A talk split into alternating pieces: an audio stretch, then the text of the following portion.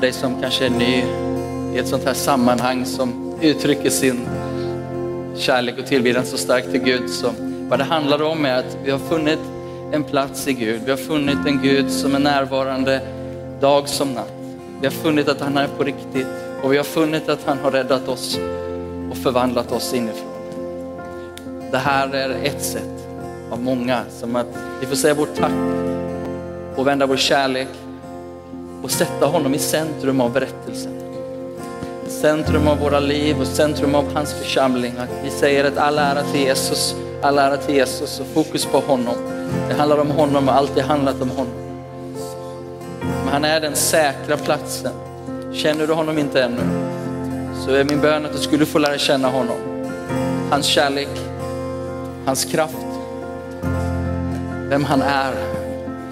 Och att det skulle få förvandla ditt liv precis som vi hörde berättelsen om Mats här. Att det är på riktigt. Jesus förvandlar människor idag. Så ber vi i den här stunden när vi kommer till ditt ord Herre, vi, vi lär känna dig djupare. Vi vill igen heligande att du målar bilden av vem Jesus Kristus är. Öppna skrifterna för oss, vi ber. I Jesu namn. Amen. Amen. Hörni, eh, jag skulle önska att vi hjälpte varandra och, och bara välkomnar till Citykyrkan. Ge någon ett handtag, famntag, ingen kyss, men kanske en helig kyss, vad vet jag. Välkomna till Citykyrkan.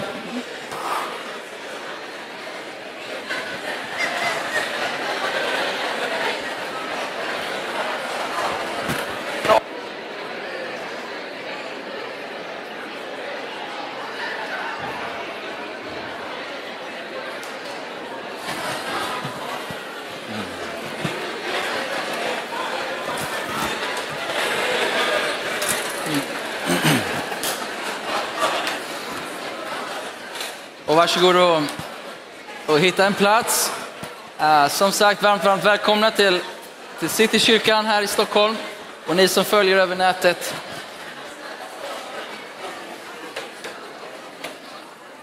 är väldigt välkomna också. Och som Rosa sa innan så finns det tolkning till spanska, engelska och farsi tror jag. So interpretation in English, habla español, farsi farsi um, Paolo Lenis heter jag, pastorföreståndare här, gift med Therese och har glädjen att få dela Guds ord med er idag. Um, och um, vi ska gå in på del två av en uh, serie vi gör utifrån den apostoliska trosbekännelsen. Um, och vi började förra veckan. Uh, jag gav lite intro, det hände mycket i den gudstjänsten, så jag kände att kom inte riktigt ända fram, men vi började titta på den första delen av den apostoliska trosbekännelsen eh, som handlar om att vi tror på Gud. Vi kommer inte göra repetition varje söndag, men eh, det här kanske är för någon, om inte, åtminstone för mig själv. Vi tror på Gud och han uppenbarar sig som fader. Och det är underbart att Gud kommer till oss inte först som härskare, även om han skulle kunna, utan han kommer som, som fader. Och han vill relatera till oss som barn. Okej? Okay? Så Gud kommer till oss och utifrån att vi förstår att han är god fader, älskar dig, så välkomnar han in dig, inte att bli en slav, utan tvärtom bli fri från slaveriet, kämpandet, egen kraft och få komma in i en relation med Fadern. Han är allsmäktig, det finns mycket att säga om det. Låt mig påminna oss om att det betyder att allt är möjligt. Ingenting är omöjligt. Impossible is nothing tillsammans med Gud som är allsmäktig. Ibland hamnar vi och förvirrar oss in i att, ja, men, vad är den fria viljan och Guds suveränitet? Och de är viktiga de dimensionerna. Men grundläggande är det så att din Gud, den du tror på, han är allsmäktig. Det betyder att han kan göra vad som helst. Och det behöver vi påminna oss om i en ganska ibland trist och svår värld. Omöjliga omständigheter, sjukdom och död och annat som kommer mot oss. Sådant är livet. Men vi har en Gud som är allsmäktig. Och det innebär att vi tror på att det är möjligt att se mirakler. Okej, okay, det var en dimension. Sen det sista är att han är skapare av himmel och jord, allt osynligt, allt synligt. Och det betyder då, tänker jag, att det finns en design och en mening med ditt liv. Det finns någon som har skapat, det finns någon som står bakom. Du är inte slump i ett tomt universum, utan det finns en Gud som har skapat dig med ett syfte. Nu undrar alla, så här, fick jag lock nu eller vad hände? Det suger ut luft här nu. Fläktarna sätts på. Um, Okej, okay, så där var vi. Det finns en design, det finns en mening och det finns en ordning i Guds skapelse. Och Gud är sån att han är fader och han älskar sin skapelse och han längtar efter varenda människa att få komma tillbaka in, att uppleva hans faders kärlek och leva utifrån vem han är i den värld som han har skapat. Okej, okay, är du med så långt? Det var förra veckan.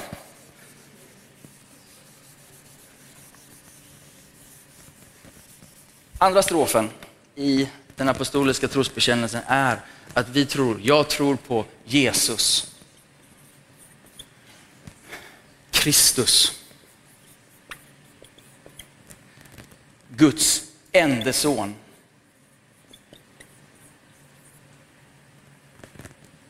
Vår Herre.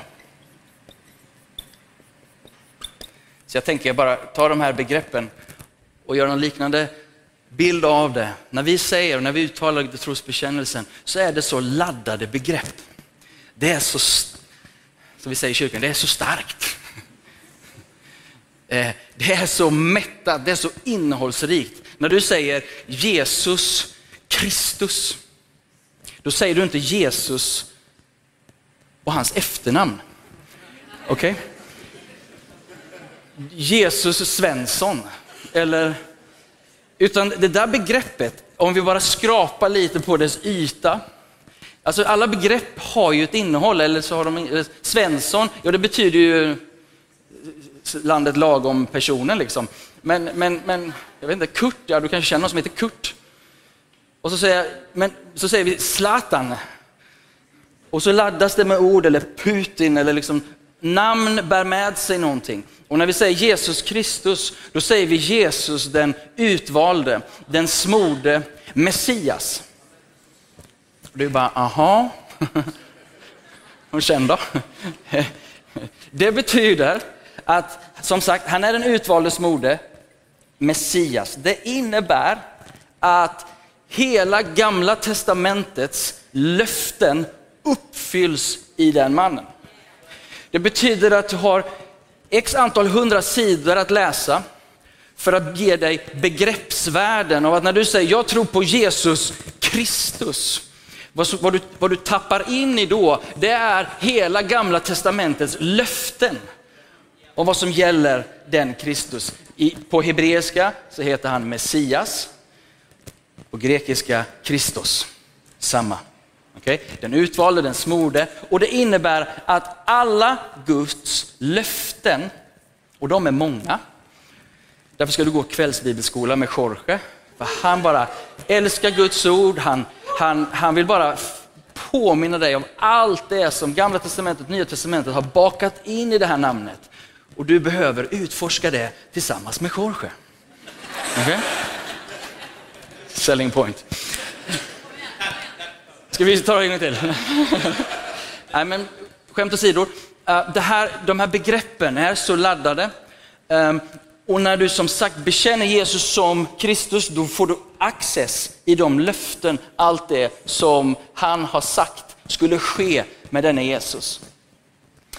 Um, vi läser från första Korintierbrevet 15 och 3. Lite av det jag sa precis. Paulus säger, jag förde vidare till er det allra viktigaste. Alltså jag förde traditionen vidare. Vad jag själv har tagit emot, att Kristus, han dog Kristus. Han dog Messias. Han dog för våra synder enligt vad då? Enligt skrifterna. Så där är det inbjudan för dig. Ja, men vad är det för skrifter? Det gamla testamentet. Där ser vi allt det som Kristus uppfyllde. Vers 4, att han blev begravd, att han uppstod på tredje dagen enligt vad då? Enligt skrifterna. Därför behöver du och jag som följer Jesus och som på allvar vill lära känna honom, läsa gamla testamentet. Med den inblicken av att hitta Kristus, hitta löftena. För du vet, det börjar redan i Edens lustgård. När Gud säger att kvinnan, hennes säd ska krossa ormens huvud. Det där är bildspråk, som, begrepp som är väldigt svåra i början. Men när man lägger det här radbandet, när man lägger det här pärlbandet bit för bit, så märker man hur Gamla Testamentet är en progressiv uppenbarelse om vem Messias är.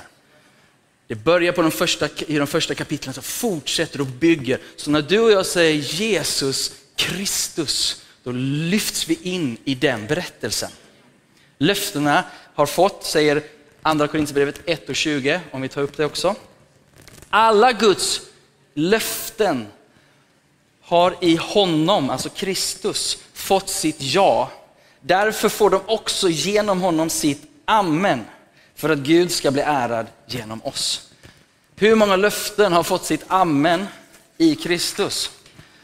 Alla Guds löften har fått sitt amen i Kristus. När du bekänner din tro till Jesus Kristus, som Mats gjorde här idag och genom dopet bekräftade. Var sitter Mats för någonstans? Han är här någonstans. Där! Hej Mats! Det är så helt fantastiskt att se det Jesus har gjort i ditt liv. Han är så personlig och det är ett sånt hopp, tänker jag, för alla människor i det här rummet och som följer och våra vänner. Att Jesus kan stiga in i vår berättelse och i vems, vems den än är här. Jag vet inte om du skulle sagt att du var, var en sekulär svensk, men du beskriver det sekulära livet åtminstone. Jag tror att någonstans där nere så, så längtar, finns den där längtan efter Gud i var och en av oss. Och det goda och det fina är att få höra berättelser, det är att det är möjligt. Att dina kollegor, dina släktingar kan få ett möte med Jesus, Kristus, löftena uppfyllda, undertecknade med hans egen blodskrift, korset. Ja och amen. Okej? Okay? För, för det andra nu då, så tror vi att Jesus är Kristus och han är Guds enda son. Um, och du kanske känner till Johannes 3 och 16, att du så älskade Gud världen att han utgav sin enfödde son för att var och en som tror på honom inte ska gå under utan ha evigt liv. Enfödde son, ende son. Och ibland gör vi misstaget att vi eh, vi pratar, Bibeln säger att vi är skapade till Guds avbild. Men Gud är inte skapad till vår avbild. Ibland skapar vi en gudsbild utifrån vår avbild. Men Gud är inte vår avbild, vi är hans avbild. Du får en glimt av kanske lite av vem Gud är när du ser på hur vi människor är. Men du kan aldrig boxa in Gud i den ramen. Så varför säger jag det här? Jo, för när vi tänker som Gud, Guds enfödde son, och då kan man tänka sig, jaha, fanns det en punkt när Jesus inte var född? För rimligheten så är det 1980, 21 januari, då föddes jag. Innan det, ja, fanns ju mammas mage och sådär, men, och, och, i Guds tanke. Men, men ni fattar, liksom, det fanns en punkt och om Jesus är född, vad var han då innan? Men det var det här handlar om, är inte en tidslinje när Jesus blir född eller var icke född. Utan det handlar om att berätta vems natur han är lik, vem han kommer ifrån, vem han utgår ifrån. Att hans natur är lik den han är född av. Okej, okay? så människor föder människor. Hundar föder katter. Nej, utan hundar. Det följer sin natur. Så när Gud säger, han är min enfödde son, då säger han, han är mig lik. Han har samma natur som jag, samma väsen som jag. Han är gudomlig som jag. Han är min son, han är min och vi är ett. Det handlar om att stryka under Guds gudomlig, Jesu gudomlighet. Um, och, eh, om du tittar på Johannes 14 så, så, så visar Jesus det här. Är ni med? Det blir lite bibelstudie idag, lägga lite grund. Eh, Filippus sa, Herre, visa oss Fadern så räcker det för oss. Jesus svarade, så länge har jag varit hos er och du har inte lärt känna mig, Filippus. Lyssna, den som har sett mig, säger Jesus, har sett Fadern. Du ser sonen, så ser du Fadern. Hur kan du säga visa oss Fadern? Tror du inte att jag är i Fadern och att Fadern är i mig? Orden jag talar till er säger jag inte av mig själv. Fadern bor i mig och gärningarna är hans verk. Tro mig, jag är i Fadern och Fadern är i mig. Och det storslagna med det här, det är tvåfaldigt. Det ena är att Gud blev människa på riktigt. Att den Gud vi bekänner oss till är inte en Gud ovan där, utan nära här. Att den klättringen som vi i andra religioner och filosofier jobbar med för att uppnå Gud, har Gud själv stigit ner till. Han, Gud, Fadern, böjer sig ner till oss. Det här, det här får du suga på en stund alltså, men, men att Gud stiger ner och blir så som en av oss. Han själv räddar oss, blir ett med oss. Um, det betyder att Guds rike är nu här ibland oss. Det som händer är att när Gud blir människa, då innebär det att Guds rike är nu mitt ibland oss. Ehm, om vi läser ifrån eh, Filipperbrevet 2.6, det här med att Gud böjer sig ner till oss. Jesus var till i Guds gestalt, men räknade inte jämlikheten, okay? lika så som Fadern, som ett segerbyte, något som han höll tag i, utan var beredd att släppa taget om det, utan utgav sig själv, tog en tjänares gestalt och blev människan lik. När han till det yttre hade blivit som en människa, ödmjukade han sig och blev lydig till döden. Förstår vi att vi har en Gud där uppe som går ner och blir en tjänare. Den Gud du tror på, den Gud du följer, den Gud du bekänner, en Gud som stiger rakt ner i mörkret. Han söker upp den svaga, han söker upp den förlorade och han tar sig an henne eller honom. När du säger att du tror på Jesus Kristus, Guds enda son, då säger du jag tror på en Gud som inte är rädd för skiten, som inte är rädd för mörkret, som inte är rädd utan stiger rakt ner i det. Jag tror på en Gud som är närvarande, jag tror på ett rike som är tillgängligt och här. Varför? Jo, därför att Gud steg in i sin skapelse. Problemet låg i skapelsen och ytterst sett och djupast sett i människans hjärta. Därför blir han människa. Och han stiger in och blir fullt ut människa. Han går i döden för oss, tar på sig skiten, skammen, skulden, förbannelsen. Men han är starkare än döden. Han reser sig upp på den tredje dagen och besegrar alltihopa. Vi tror på Jesus Kristus, Guds enda son. En Gud som stiger in i vår berättelse, stiger in i Mats berättelse, stiger in i vems berättelse? Allas berättelse. Det är den Gud du tror på som stiger nära, Guds rike är nära. Det betyder också att vi kan lita på Jesu ord. När du lyssnar på Jesus så är det inte bara en moralisk lärare, det är inte bara en profet. Det är inte en bland många, utan det är Gud som talar. En skillnad. En viss skillnad. Och de kände av det. Det är en annan auktoritet som talar när han öppnar sin mun. Ja, det tror jag det. Det tror jag det. Almighty God liksom speaks. Det finns en viss tyngd, ett tryck i den, i den truten om man säger så. Eh.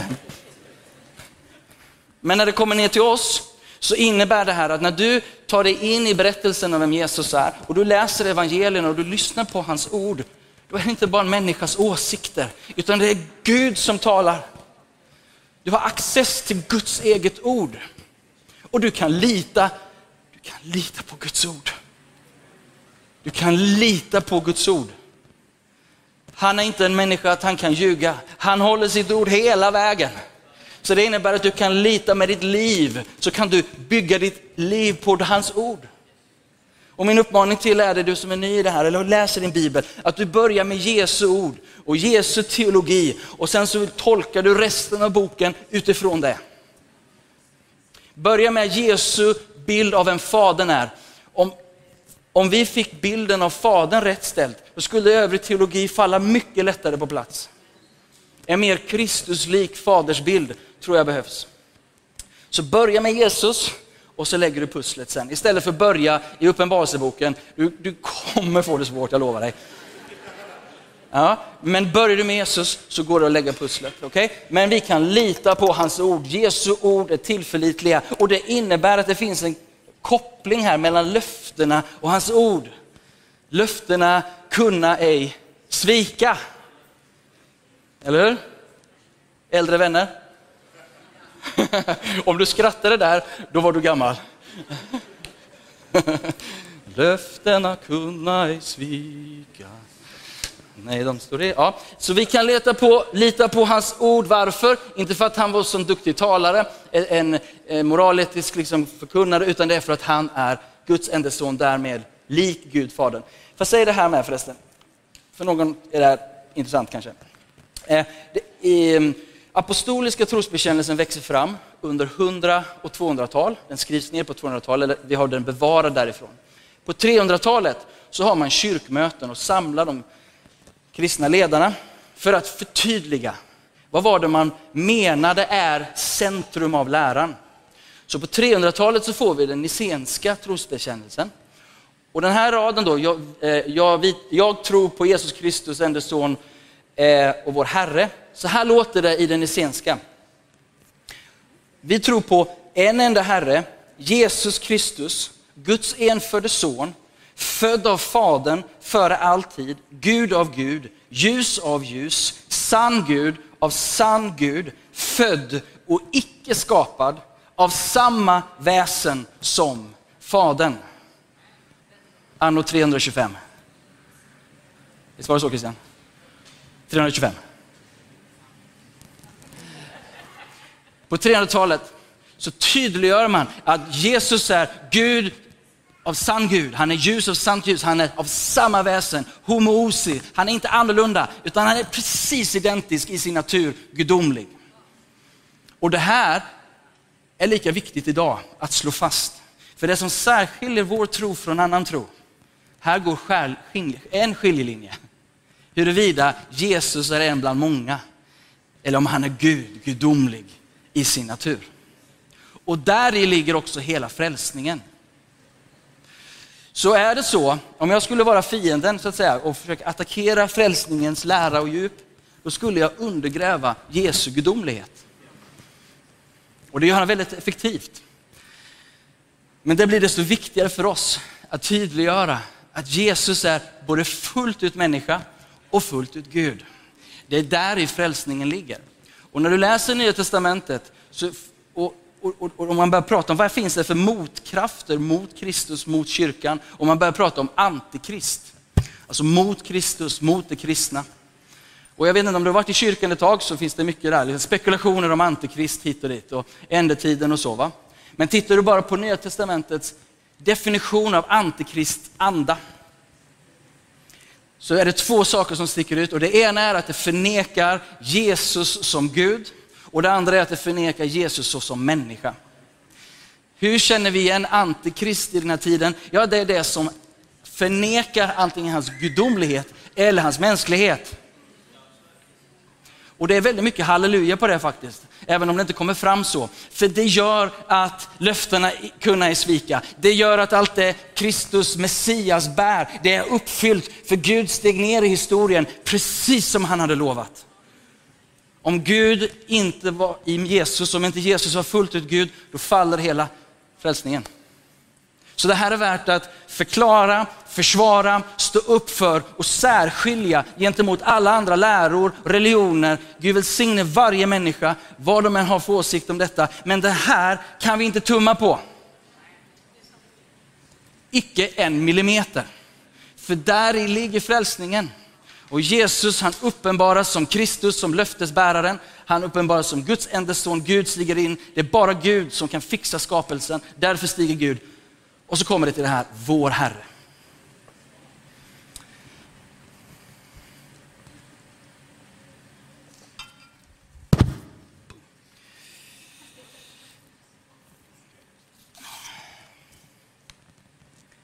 Det mest befriande steget vi kan ta som människa är dagen då vi kan släppa jaget, vår kontroll, att vara sin egen Herre och istället kunna säga Jesus är min Herre. Om du kan ta de orden på dina läppar och med hjärtat mena det. Gud välsigne dig. Där i ligger hela förvandlingen. Och vi kan inte ta det oss själva. Paulus säger att endast genom den helige Ande så kan vi säga Jesus är Herren. Och det mest befriande som en människa kan få vara med om, jag använder Mats igen här. Jag minns dagen när du tog emot Jesus här och du har beskrivit, och den här fina novellen du har skrivit, så här, berätta stegen du tar tillbaka. Dagen då han släpper kontrollen in i Jesu händer så förändras allt. För vår upptrampade stig bort från Gud ligger kopplad till vår upptrampade stig att göra oss själva till Herre. Vilken nåd det är när han får tag på vårt hjärta, han får tag på våra tankar och lyckas vända den riktningen tillbaka till Gud och säga, inte jag Herre, utan du är min Herre. Inte jag som har det yttersta ordet, du har det yttersta ordet. Inte min, mitt ord är inte min lag, ditt ord är min lag. Ditt ord gäller. Jag får luta mig in i någon som har skapat himmel och jord och vet precis hur vi funkar. Och det upplysta av anden upplysta tillståndet att kunna lita på, tro på, luta sig in i hans herravälde. Att det är han som råder, att det är Gud som råder och inte jag. Vilken befrielse! Vilken salighet! Vilken frihet att få luta sig in. Är du inte ännu på Jesus troende och gjort honom till Herre, så har du någonting så gott att se fram emot. Att lägga av det tunga oket, lägga av din ensamresa, din ensamseglats och stiga in i den treeniga gemenskapen som vi kallar Gud, Fader, Son och Ande och få göra resan med gott sällskap. Men det börjar med att få göra honom till Herre. För så länge inte han är Herre så är det någon annan som är Herre. Men vilken befrielse. Om vi går tillbaka till Filipperbrevet 2, som vi var innan och beskrev hur Gud, Jesus eh, blev människa. Så från vers 9 så står det så här. På grund av att han ödmjukade sig, så därför har Gud också upphöjt honom över allting och gett honom namnet över alla namn. För att i Jesu namn alla knän ska böjas i himlen och på jorden och under jorden. Och alla tungor bekänna att Jesus Kristus, Jesus löftesbäraren, Jesus löftesuppfyllaren, han är Herren, Adonai. Han är Gud, Fadern till ära. Att få böja sig inför honom som böjde sig. Vi böjer oss med glädje inför en sån kung.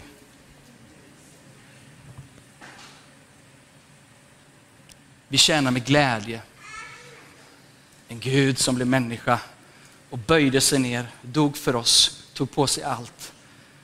Han sökte upp oss. Vilken nåd, oförtjänt, men likväl så får vi böja oss inför honom och göra honom till vår kung, vår Herre, vår Messias. Och när vi böjer oss så väljer vi att följa hans ord.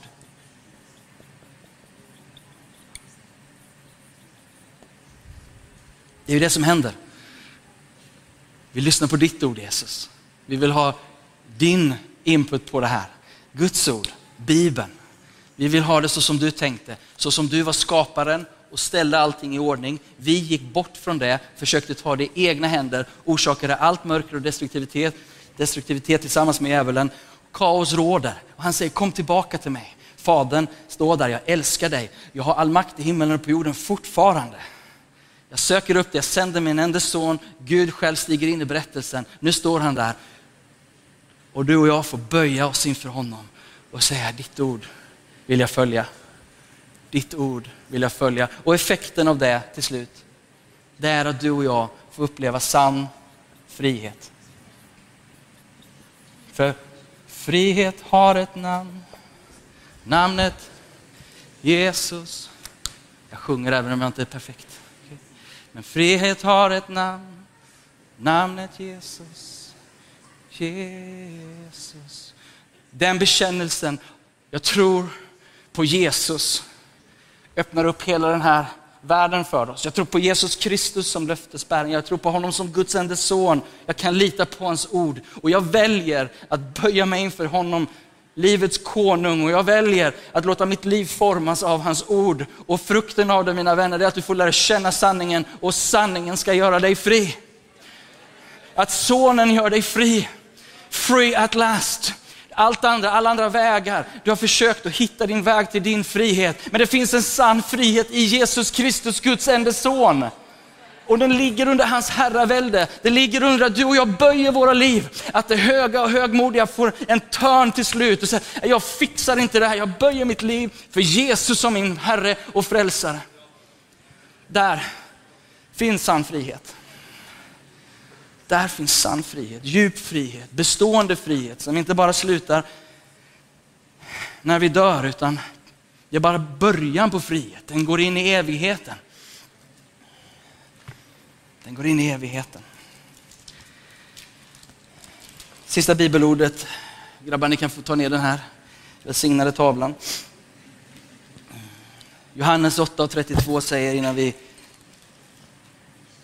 ska avsluta tillsammans här i bön. Jesus sa till de judar som hade kommit till tro på honom. Om ni förblir i mitt ord, alltså om ni följer mitt ord, om ni är i mitt ord, ja då är ni verkligen mina lärjungar, eller hur? Varför? Jo, därför att ni följer, förblir. Och vad händer då? Jo, då ska ni lära känna sanningen. Och som jag sa, så ska sanningen göra oss fria. Kan vi stå upp tillsammans hörni? Och trosbekännelsen, det är en destillerad koncentrat som jag har pratat om här idag. Nej, vad heter det nu igen? Inte koncentrat. Det var något annat du pratade om Mats. Men det här är liksom en kärnan av den tro som vi har. Vi ska bekänna vår tro, om Noah vill ta fram trosbekännelsen. Och min bön är liksom att de här begreppen skulle bara få väcka tro och väcka förundran, väcka tillbedjan. På den resan är vi vänner. Ska vi bekänna vår tro tillsammans? Vi tror på Gud Fader allsmäktig, himmelens och jordens skapare. Vi tror också på Jesus Kristus, hans enfödde son, vår Herre, vilken är avlad av den helige Ande, född av jungfrun Maria, pinad under Pontius Pilatus, korsfäst, död och begraven, nederstigen till dödsriket, på tredje dagen uppstånden igen ifrån de döda, uppstigen till himmelen, sittande på allsmäktig Gud, Faders högra sida, därifrån igenkommande till att döma levande och döda. Vi tror på den helige Ande, en helig allmännelig kyrka, det heliga samfund, syndernas förlåtelse, det dödas uppståndelse och ett evigt liv. Amen. Det är våran tro.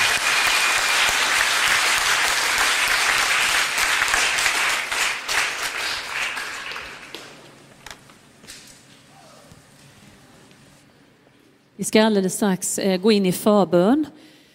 Eh, men jag skulle faktiskt vilja göra en sak som inte är riktigt planerat. Men vi har fått in ett väldigt akut böneämne. Jag skulle vilja att att vi kommer överens i bön tillsammans här idag. Vi har fått in ett bönämne om en pojke som är 12 år gammal som har blivit kraftigt psykiskt sjuk. Han får röster eh, som säger åt honom att gå och döda någon. Nu talar vi allvar, det är härlig predikan, allt detta, men nu talar vi allvar om, om vad människor ibland kan faktiskt eh, få gå igenom. Han eh, får röster till sig att han, eh, att han ska ta livet av sig själv. Han blir medicinerad och så, men det verkar inte hjälpa och han blir sämre och sämre. Och det är en, en eh, desperat mamma som vill att vi ska be för honom. Och eh, det har vi alltid tid för i vår planering, eller hur? För annars är vi ingen kyrka. Så kan vi inte bara från våra hjärtan be för den här pojken. Be för hans familj. Be för frihet. Ska vi göra det tillsammans? Fader, vi bara ropar ut för den här pojken, Fader. Fader, du ser allt. Du hör allt, Fader. Vi, vi vet att, att du vill göra honom fri. Och Fader, vi vet att de har gjort allt vad de själva kan med läkare och du är absolut inte emot varken läkare eller medicinering. Fader, vi ber om en mirakel. Vi ber om frihet i den där pojkens hjärta, i hans sinne. Vi talar till allt mörker i Jesu namn att böja knä. Vi bryter all form av mörker, vi bryter all form av inflytande som inte är av dig Gud. Vi bryter dess kraft i Jesu namn över hans liv. Och Fader, vi löser ut din frihet över den pojken. Fader, vi ber från djupet av våra hjärtan, gör honom fri. Fader, vi ber om hälsa i hans sinne, hälsa i hans kropp. Vi ber om fullständig frihet. Jesus kom in och gör det du är expert på att göra. Sätt fångarna fria. Det är därför du kom Jesus. Du kom till oss för att sätta oss fria.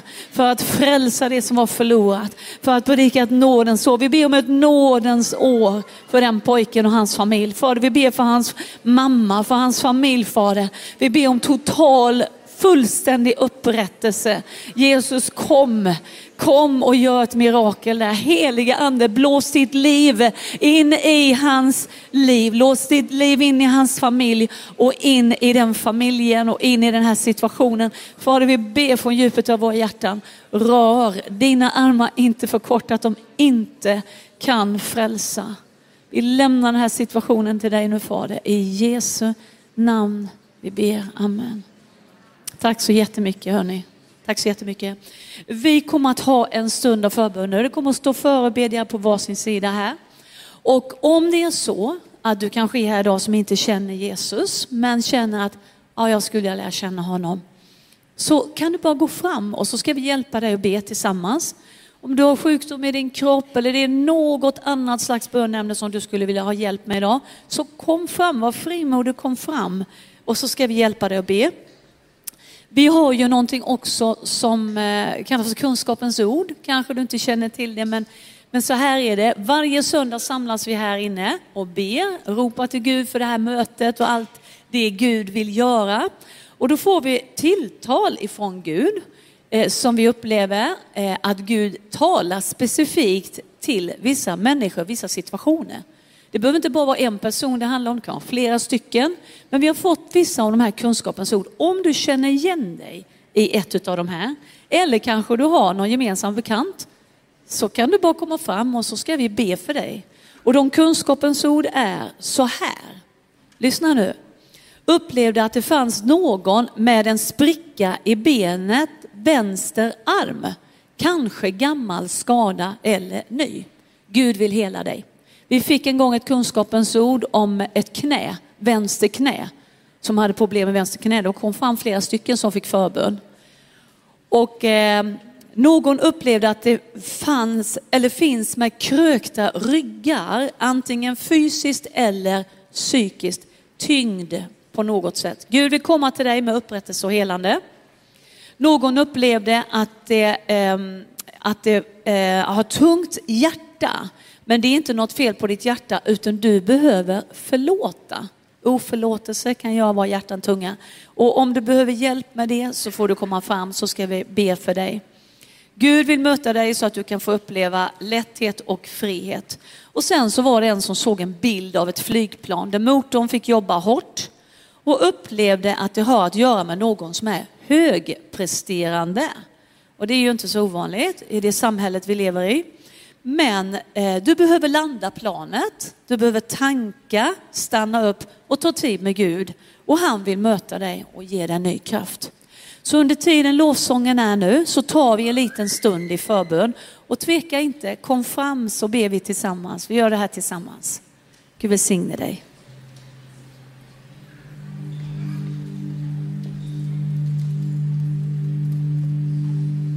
Du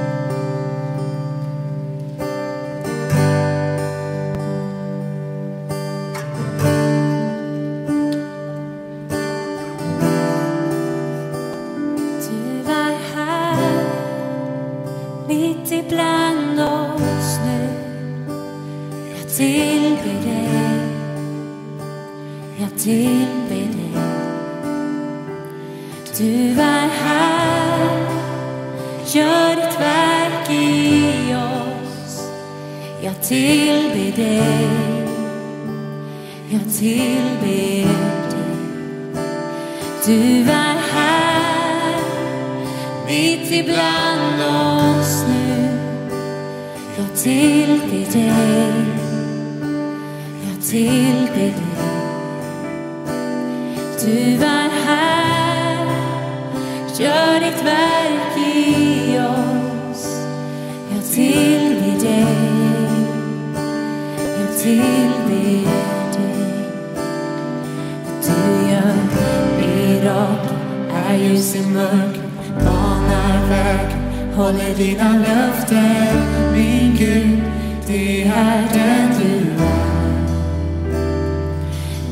Du mirakel, är ljus i mörker, banar väg, håller dina löften. Min Gud, det är den du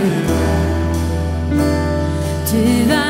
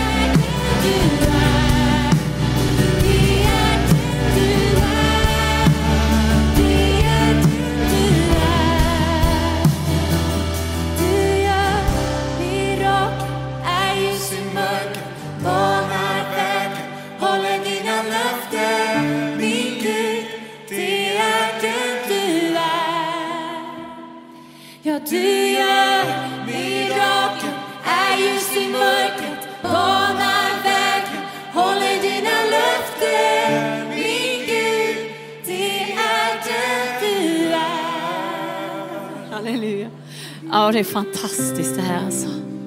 Visst är det fantastiskt? Vad Gud gör så mycket i människors liv. Jag är så tacksamma för det. Tack för en jättefin predikan Paul. Helt otroligt bra. Vi ska runda av och avsluta mötet här. Eh, bara, lovsången kan bara fortsätta en liten stund till. Förbedjan håller på en liten stund till. Men eh, vi kommer att avsluta alldeles strax. Det kommer att vara fika. Vi har riktigt god fika. Magnus där uppe, säg hej till honom där uppe. Han gör jättehärligt fika nu efter på läktaren. Ni som är här för första gången, glöm inte att ni får det gratis. Det är gratis fika för er. Det tycker jag är bra. Eh, och hörni, eh, en sak till också. Om du är intresserad av vår församling, komma på ett intro eller eh, vill vara med i en citygrupp eller vad det än är, så står det längst ner mötesvärdar vid sådana här infobord. Hugg tag i dem där, ställ alla möjliga frågor ni vill. Eh, men de finns där nere i alla fall eh, och vill, vill möta dig och, och guida dig vidare. Glöm inte att gå in på hemsidan också. Häng med oss och se allt som händer i församlingen. Nu så ska vi bara be Herrens välsignelsebön över oss och så ska ni få gå ut i en ny vecka och så ses vi nästa söndag. Vi har möten klockan 10.30, eh, vi har möten klockan 2, internationellt möte och sen så är det ju faktiskt ett möte, Heart Evangelization har ju ett möte klockan 6 ikväll. Så kom med. Så då ber vi, Herren välsigne oss och bevara oss. Herren låter sitt ansikte lysa oss och oss nådig.